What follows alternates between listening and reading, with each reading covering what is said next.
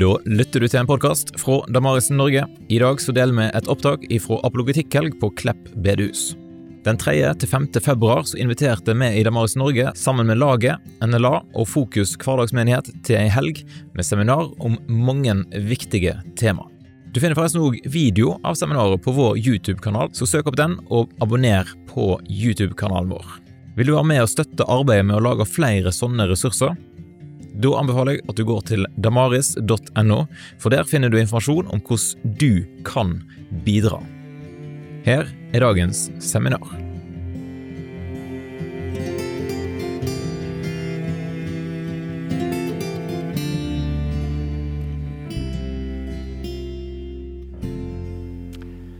Tack så mycket.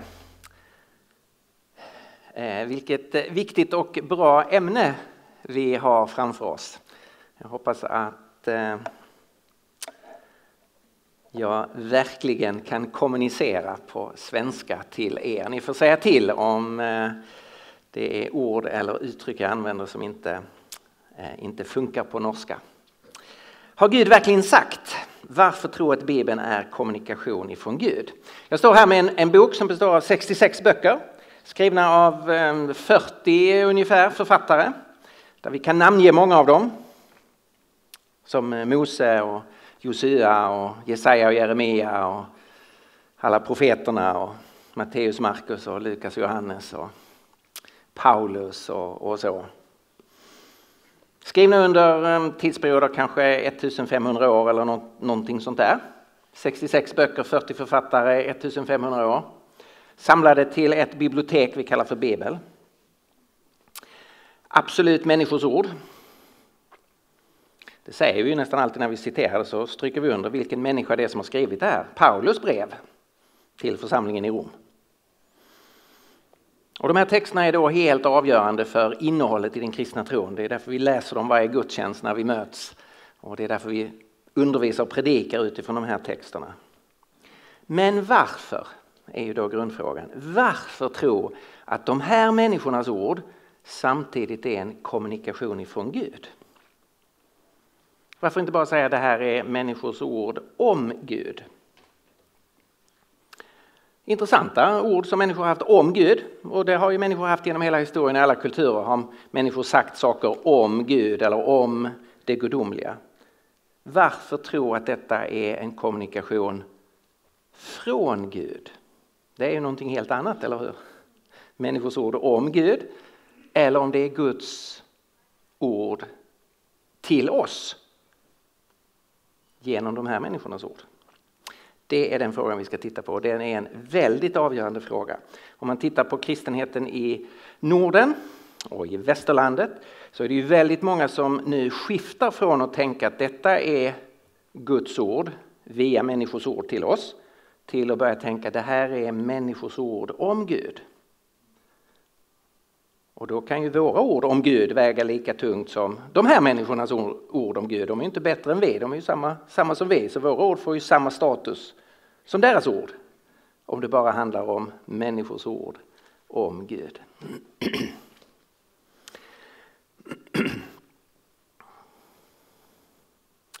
I den kristna tron så är tanken på att Gud talar är en väldigt central tanke.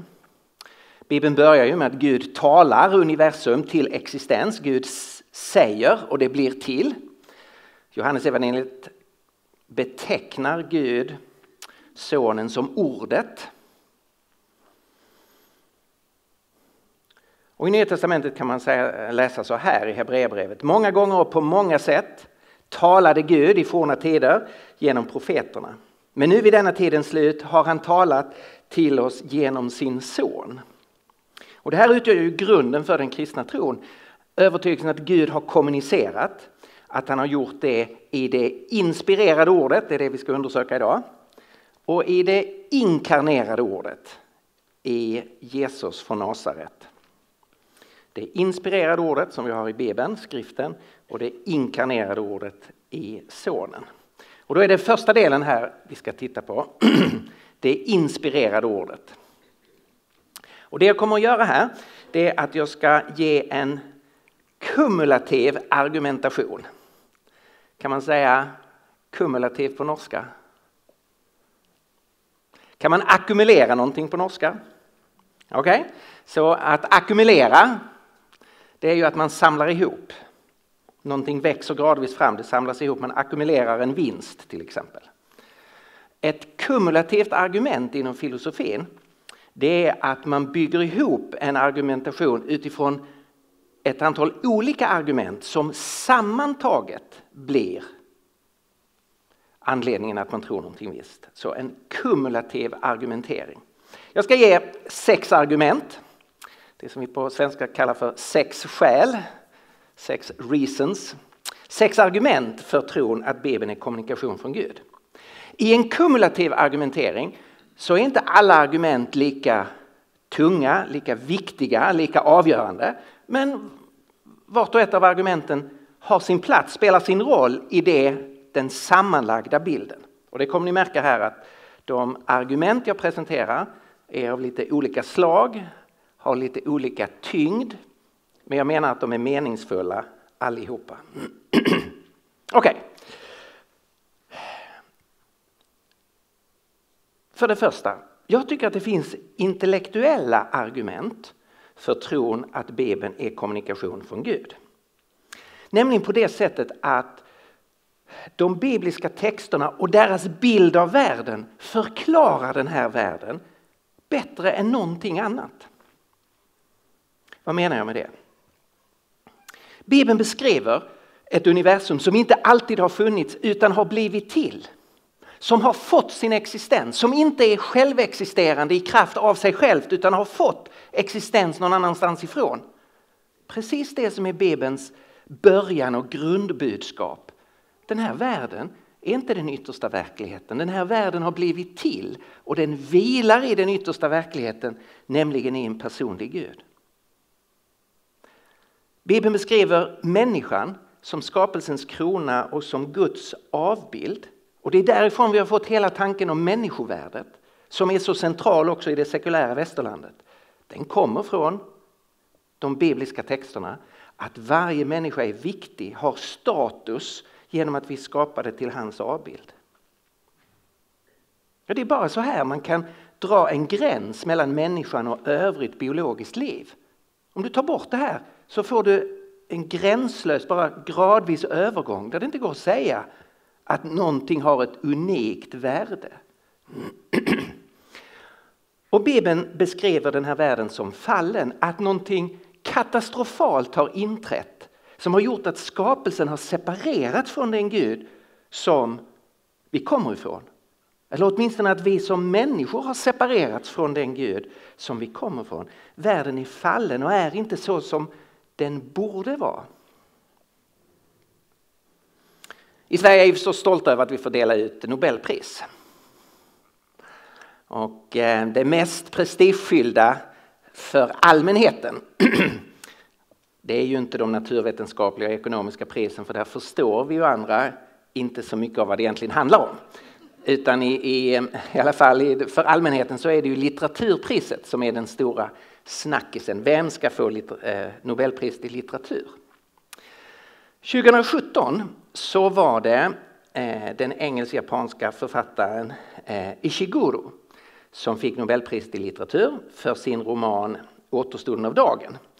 Som nästan inga svenskar hade läst, men alla hade sett filmen med Anthony Hopkins och Emma Thompson. Fantastisk film, byggd på den här boken.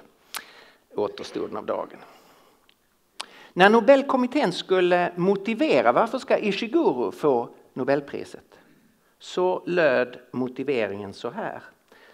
Ishiguro, citat, som i romaner med stark känslomässig verkan har blottat avgrunden under vår skenbara hemhörighet i världen.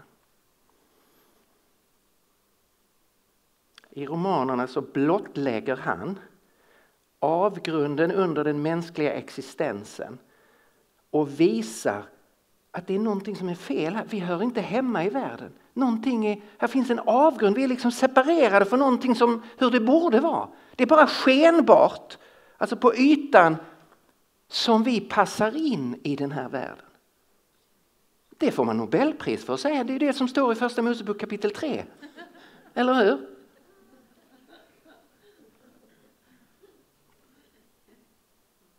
Så Bibeln ger en intellektuellt oerhört intressant och fascinerande och på sån här, om vi tar den stora bilden, liksom en, en trovärdig beskrivning av vad det här är för en sorts värld vi befinner oss i. Det visar ju inte att, att Bibeln är en kommunikation från Gud. Det här argumentet leder ju inte fram till därför kommer Bibeln från, från Gud. Men det visar att man kan inte avfärda den här boken som bara några naiva texter från antiken av helt okunniga människor. Den här boken har ett budskap som är oerhört intressant, rakt in i det 21 århundradet, om vad det här är för en sorts värld och hur vi ska förstå vår plats i världen. För det andra, det finns historiska skäl. Bibeln återger verkliga händelser, sånt som har ägt rum i mänsklighetens historia och som är åtkomligt på precis samma sätt som annan historia genom arkeologi och genom eh, källmaterial, historiska källor. Allt i Bibeln är ju inte historiska texter förstås. Det finns ju eh, hymner och salmer och eh, poesi och, och eh, det finns brevlitteratur. Men en ganska stor del av Bibeln är ju historiska återgivningar av händelser som har ägt rum. Det gäller ju både gamla och nya testamentet. Och det innebär ju att Bibeln är inte någon sorts religiös skrift som man bara tar någon sorts andlig ställning till utan det här går ju att undersöka. Det här är förankrat i vad som har hänt i det som föregick vår existens. Och då är det ju på hundratals områden som Bibeln är bekräftad historiskt. Förstås mängder med saker har inte bekräftats, så är det alltid med historiska uppgifter. Eh, att de finns bara i en källa, det är inget konstigt. Eh, men hundratals uppgifter har bekräftats genom arkeologi och genom samstämmigheten med andra källor. Jag brukar ofta ta exemplet från, eh, från Daniels bok kapitel 5. Där beskriver Daniels bok det babyloniska rikets sista tid. Och då heter enligt Daniels bok den sista babyloniska kungen heter Belsassar. Och det är han som den ödesdigra natten arrangerar en stor fest och för in segertroféerna bland annat från Jerusalems tempel, tempelkärlen och då visar sig en hand på väggen som skriver en text som han inte kan tyda. Men som ju betyder, när han har fått tydningen av, av Daniel, du är vägd på en våg och befunnen för lätt. Och så går det babyloniska riket under. Och ersätts av perserna. Problemet var under 1800-talet att man sa det här är ju bara en saga. Siste kungen heter inte Belsassar, vi känner inte till någon babylonisk kung med det namnet. Och vi har ganska mycket information om det babyloniska riket. Därför att man hade hittat eh, eh, babyloniska källor som gick igenom det babyloniska riket och där var det, fanns det ingen, eh, ingen eh, Belsassar. Utan där hette den siste kungen Nabonidus. Och efter Nabonidus så tog det persiska riket över och Kores var härskare.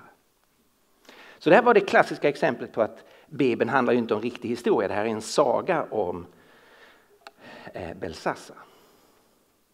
Det kunde man säga fram till dess att man hittade den här fascinerande cylindern som heter Nabonidus-cylindern och som finns på British Museum i London. Så att om ni åker dit så måste ni ju eh, titta på denna.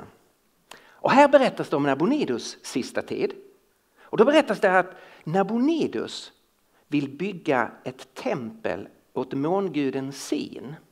I Babel så är det Marduk man dyrkar, det finns ett starkt Marduk-prästerskap och det blir en viss konflikt mellan kungen Abonedus och Marduk-prästerna när han nu vill fokusera på en annan gud.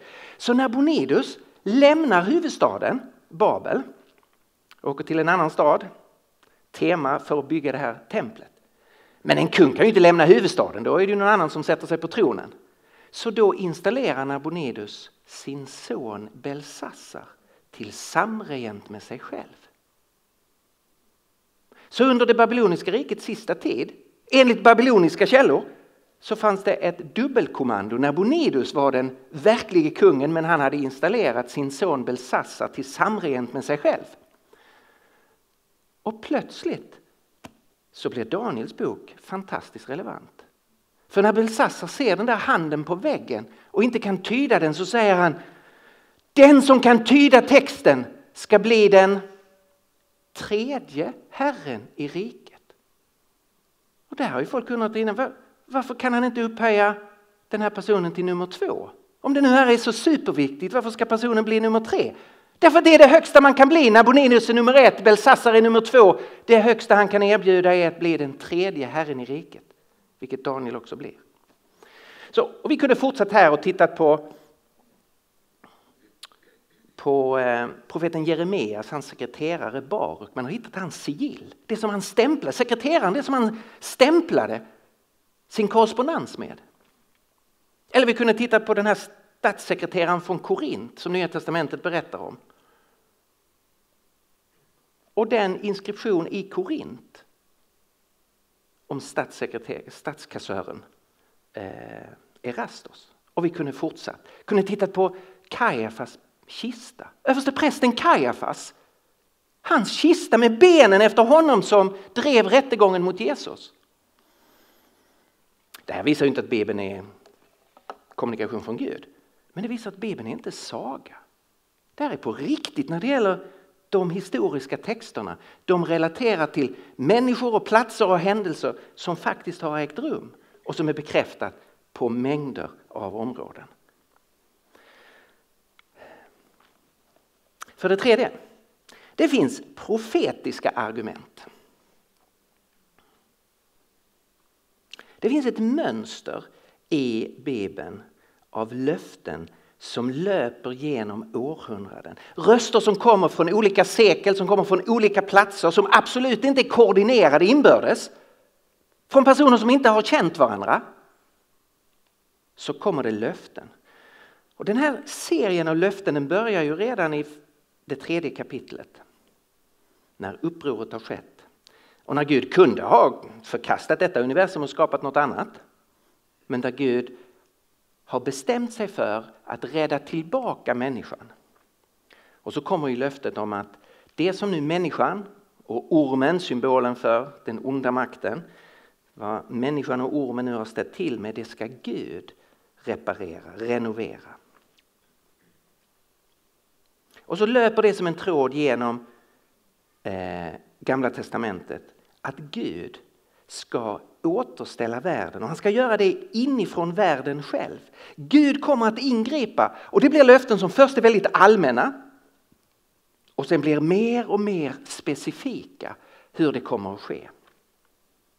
Ingripandet kommer att ske inte utifrån genom att Gud invaderar världen som han kommer att göra på den yttersta dagen utan det grundläggande ingreppet kommer att ske inifrån mänskligheten genom en människa som föds. Genom att en kvinna ska bli gravid och någon ska födas. Ett barn ska födas. Och genom kamp är det det barnet som ska krossa ormen. Men själv bli skadad i den kampen. Det ska ske inifrån mänskligheten. Sen förstår vi att det ska ske i en viss etnisk grupp. Det ska ske bland Abrahams ättlingar. Det är han som får löftet om att få en son, ett land och att det sen i hans släktled ska komma in en välsignelse. Det som har försvunnit genom människans syndafall. Ni vet från början är det ju bara välsignelse. Gud välsignar djuren, han välsignar människan, han välsignar sabbaten, han välsignar allt det som han har låtit bli till. Och sen kommer förbannelsen in i världen när människan bryter mot Gud.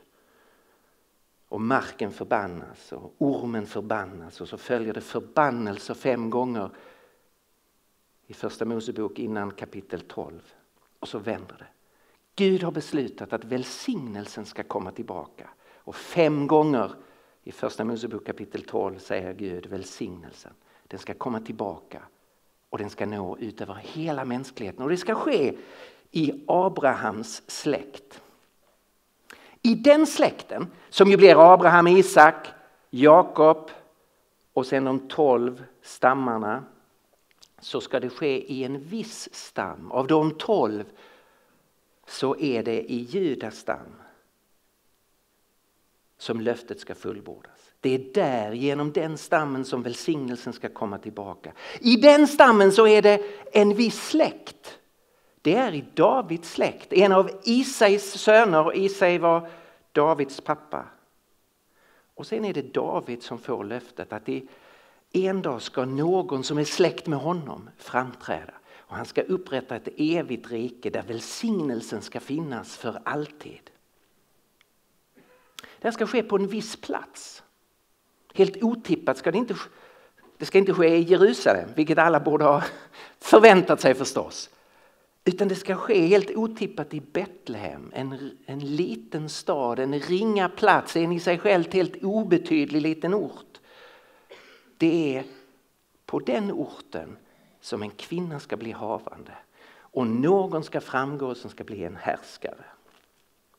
Det här ska ske på, vid en viss tidpunkt. Det ska ske medan det andra templet fortfarande står. Ni vet att Salomo byggde tempel. Det raserade Nebukadnessar. Folket fördes bort till Babel. Så kunde man resa tillbaka och då är vi vid Esra och Nehemja och så bygger man upp templet. Och då säger profetierna att räddningen och räddaren ska komma till detta tempel. Det betyder att det måste ske, om vi nu tittar på det härifrån, före år 70 efter Kristus. För år 70 raserar romarna templet, jämnade med marken, lägger det öde och sedan dess finns det inget tempel för Messias att komma till. Det måste ske före år 70. Så ska Messias framträda.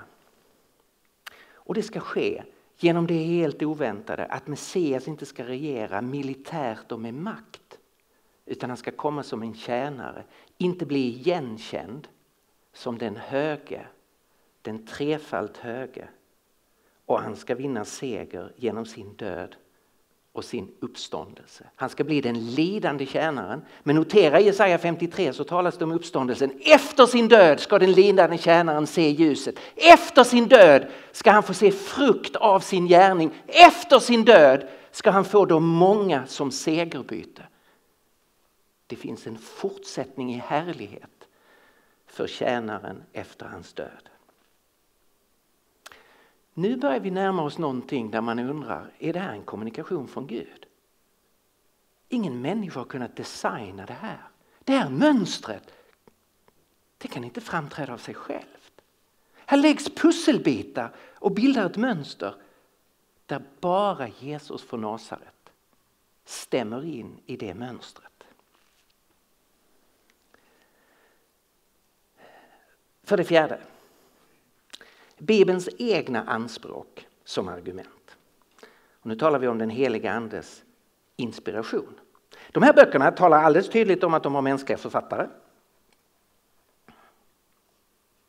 Paulus, Jesu Kristi apostel. Så börjar ju breven. Få reda på vem som har skrivit det. Men i de här böckerna som är skrivna av människor Ingenting har trillat ner från himlen. Bibeln är rakt igenom en mänsklig bok.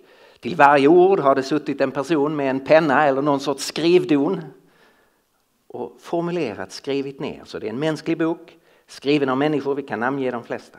Men i dessa texter skrivna av människor så möter genom hela Bibeln anspråk, finns det ordet på norska? Påstand, claims på engelska, okay. påstånd om att informationen kommer från Gud. Och Det ser ut så här.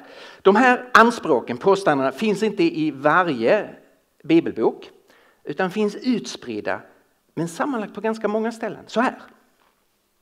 Det talas om att Gud har talat till människor. Att Gud har uppenbarat sig och talat på mänskligt språk. Och det sägs om Mose att Herren talade till Mose som den ena människan talar till den andra. Alltså inte i någon sorts mystisk hänryckning. Utan ansikte mot ansikte som den ena människan talar till den andra. Verbal, språklig information. Gud har talat till profeterna. När den uppstående Jesus visar sig för Paulus så står det i Apostlagärningarna 26 att vi får reda på vilket språk Jesus talade till Paulus. Han sa på hebreiska Saul, Saul, varför förföljer du mig? Alltså Gud som har skapat människan med språkförmåga, som har gett oss detta som är helt unikt i förhållande till resten av skapelsen. Förmågan att både tänka och sen formulera tankar i språk. Han har valt att på mänskligt språk tala till oss. Gud har talat till människor. För det andra så har Gud valt att tala genom människor. Han har sänt de människor han har talat till och bett dem framföra det budskapet och på det sättet tala genom eh, människor.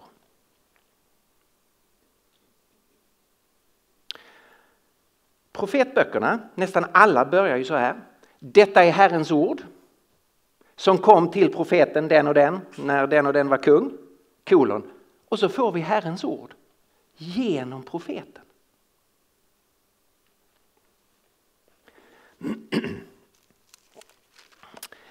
Eh, samma sak finner vi i Nya Testamentet att, att apostlarna säger, Paulus tackar de kristna i Thessalonike, att de tog emot hans ord, inte bara som människors ord, utan som vad det verkligen är, nämligen eh, Guds ord. Så Gud har talat till människor och han har talat genom människor.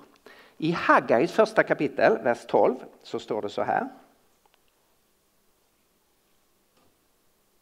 Folket lyssnade till Herren sin Gud, till det som profeten Haggai sa på uppdrag av Herren, deras Gud. Så när de lyssnar till profeten Haggai så lyssnar de till Herren sin Gud. För det är Gud som talar genom profeten. För det tredje, Gud har befallt människor att skriva ner det han har talat till dem och genom dem. Så att andra människor kan få del av samma budskap. Människor på andra platser eller människor i andra tider. Det finns en väldigt dråplig text i Jeremia 36. Jeremia har kritiserat kungen, utmanat honom, men kungen vill inte lyssna. Profetierna har skrivits ner av sekreteraren Baruk, han vars sigill vi har hittat. Kungen tröttnar på profeten som bara kritiserar honom. Så han befaller att man ska ta allt Jeremia har skrivit eller låtit skriva och bränna upp det. Och man gör det, man tar profetierna och slänger i ugnen och bränner upp Herrens ord. Och kungen tänker, ja yeah, nu är jag fri. Och då berättar Jeremia 36 att Herren kommer till Jeremia och säger ta din sekreterare Baruk och skriv upp exakt det som stod i de tidigare rullarna. Och så reproduceras Herrens ord. Paulus säger att det är på den helige Gudens befallning som skrifterna har skrivits ner. Och det är därför som vi kan veta vad Gud sa till Mose eller till David eller vad Jesus undervisade om. Och för det fjärde, det nedskrivna är inspirerat av Gud. Att Gud har väglett de mänskliga författarna, inte gjort dem till robotar eller maskiner eller artificiell intelligens, utan de var fortfarande verkliga människor och vi kan känna igen den olika personligheterna hos Paulus eller Johannes till exempel. Så det är fortfarande deras verk präglade av vilka de var men Gud inspirerade dem och bevarade dem så att det de i frihet skrev blev precis det som Gud ville kommunicera. Det står så här i Andra Timoteusbrevet 3 och 6. Varje bok i skriften är inspirerad av Gud och till nytta när man undervisar, vederlägger, vägleder och fostrar till ett rättfärdigt liv. Inspirerad, det grekiska ordet, handlar om andning och faktiskt utandning. Och det som Paulus vill säga här är att orden i skriften kommer från Guds mun. Precis som vår andedräkt kommer från oss. Vi andas ut, det kommer från vår mun. Så kommer de här texterna ha sitt yttersta författarskap i Gud. Och sen har de då också ett mänskligt författarskap i de mänskliga författarna. Är det här sant? Då har vi förstås kommunikation från Gud. Kommunikation på en väldigt hög och exakt nivå att Gud har inspirerat människor att förmedla ett budskap han har talat till och genom dem. För det femte, ett personligt argument. Den existentiella dimensionen av Guds röst. Eller för att använda ett teologiskt begrepp här, Bibeln som självautentiserande, som självbekräftande. Om man skulle fråga kristna människor genom historien, varför tror du på Bibeln? Så skulle ju jättemånga hänvisa till det här argumentet och säga, jag har hört Gud tala till mig genom hans ord. Det här ordet har rört mig, det här ordet har skakat om mig, det här ordet har tröstat mig, det här ordet har utmanat mig, det här ordet har skapat tro, det här ordet har gett mig hopp. Och jag tror de flesta av oss kan tänka på tillfällen när vi har läst någonting och så plötsligt är det ett ord som griper tag i oss. Ett ord som talar till oss, ett ord som blir ofrånkomligt, som drabbar oss. Antingen genom att det avslöjar oss och tvingar oss att säga att omvända oss och bekänna en synd. Eller ett ord som lyser upp i mörk förtvivlan när vi trodde att det inget hopp var ute. Så kom det ett ord från Herren och som lyfte oss. Och så, ja, vår erfarenhet är det är Gud som talar i det här ordet. Bibeln är självbekräftande. Därför att det är Guds ord och därför väljer han att tala genom sitt ord. Det är väl en hel del eh, lutheraner i, i rummet. Eh, nu ska jag välja att eh, citera en reformärt bekännelseskrift. Men eh, det lutherska och det reformerta vid reformationen ligger ju väldigt nära varandra och överlappar i nästan alla frågor till 100 procent. Och sen finns det ju vissa skillnader. Men här är ett område där det överlappar. Det här är från Eh, Westminster Confession of Faith, en reformerad bekännelse från 1600-talet som innehåller väldigt, väldigt mycket värdefullt. Och de har en, eh, har en egen artikel om just det här. Man, man skriver om Bibeln. Varför tror vi att Bibeln är Guds ord? Och man går igenom många olika saker. Därför att så har man alltid trott i, i kyrkan, därför att det är en så fantastisk lära, därför att eh, det finns sådana kvaliteter eh, eh, i skriften, därför att det finns ett sådant sammanhang om man tänker på det profetiska sammanhanget.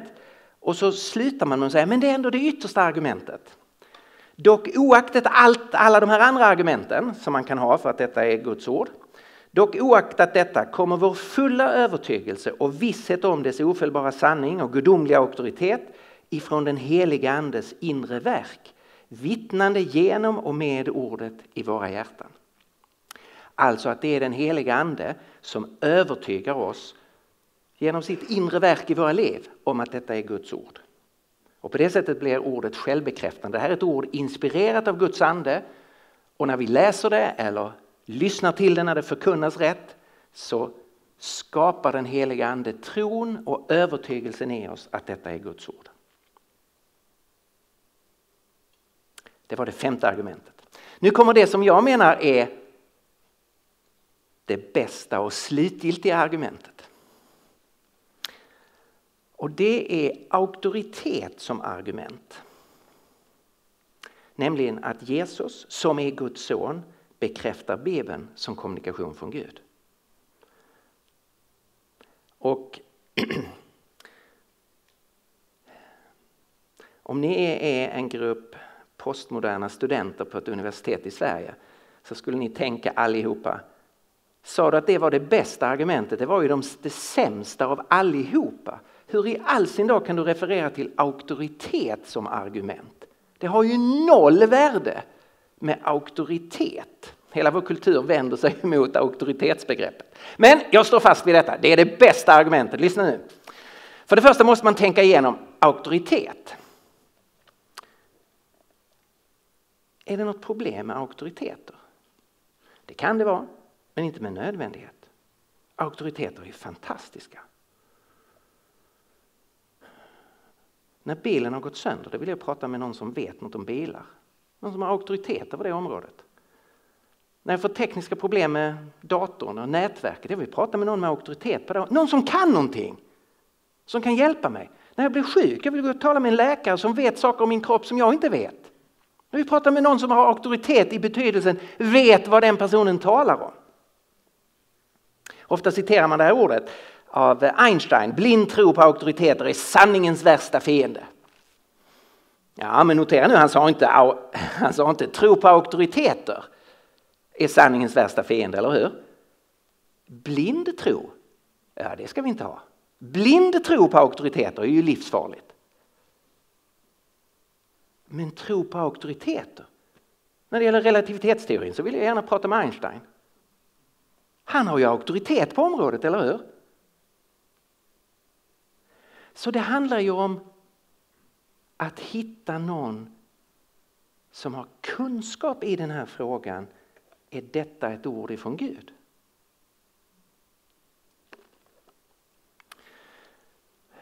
Om man läser Nya Testamentet, läser evangelierna, så möter vi Jesus som gör anspråk på att vara Guds son. Och det är alldeles uppenbart att Jesus i evangelierna bekräftar Gamla Testamentet som kommunikation från Gud.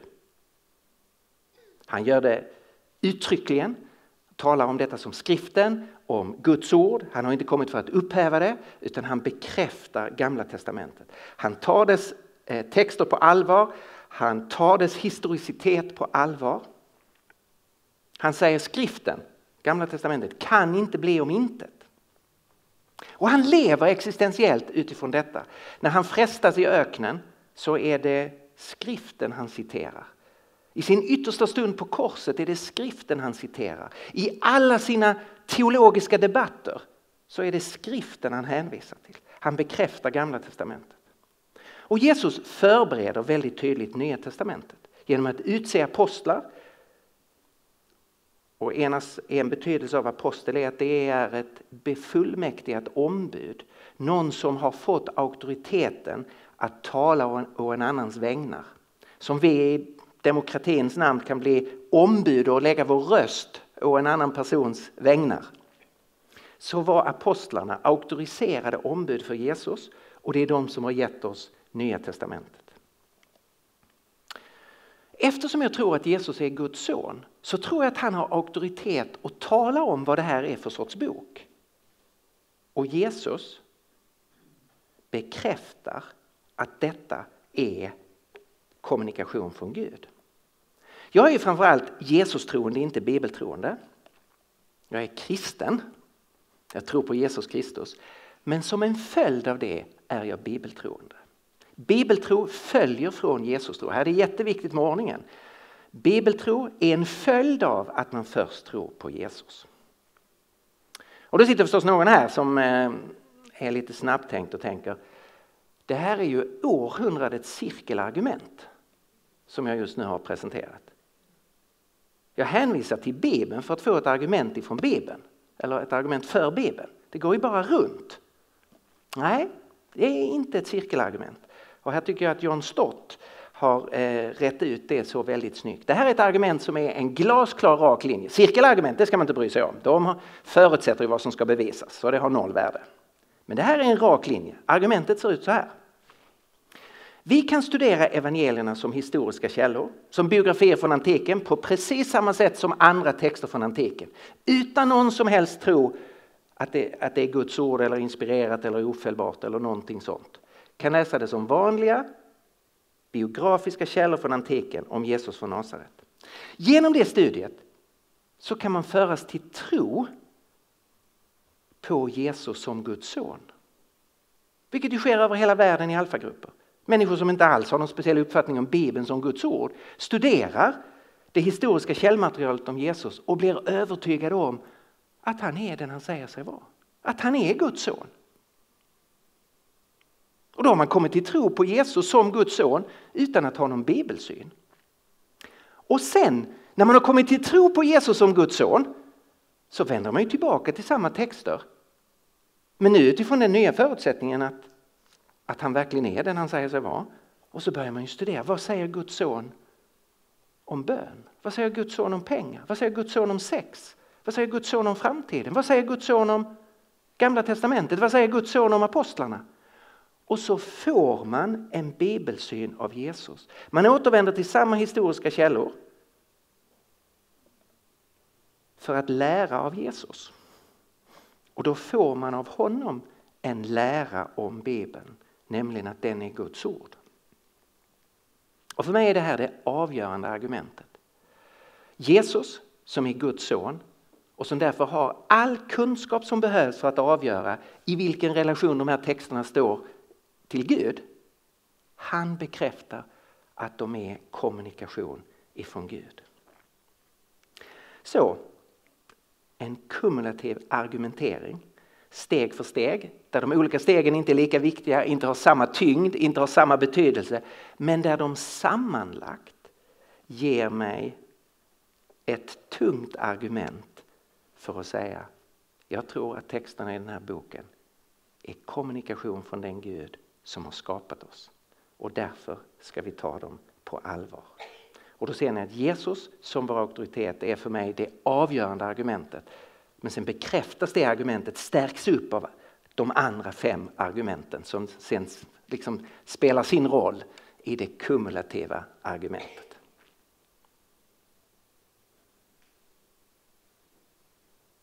Okej, okay, sätter jag punkt där. Höghastighetsgenomgång av ett stort material men för att skapa en, liksom en sammanlagd bild. Jag tror att vi har några minuter ifall det finns frågor eller invändningar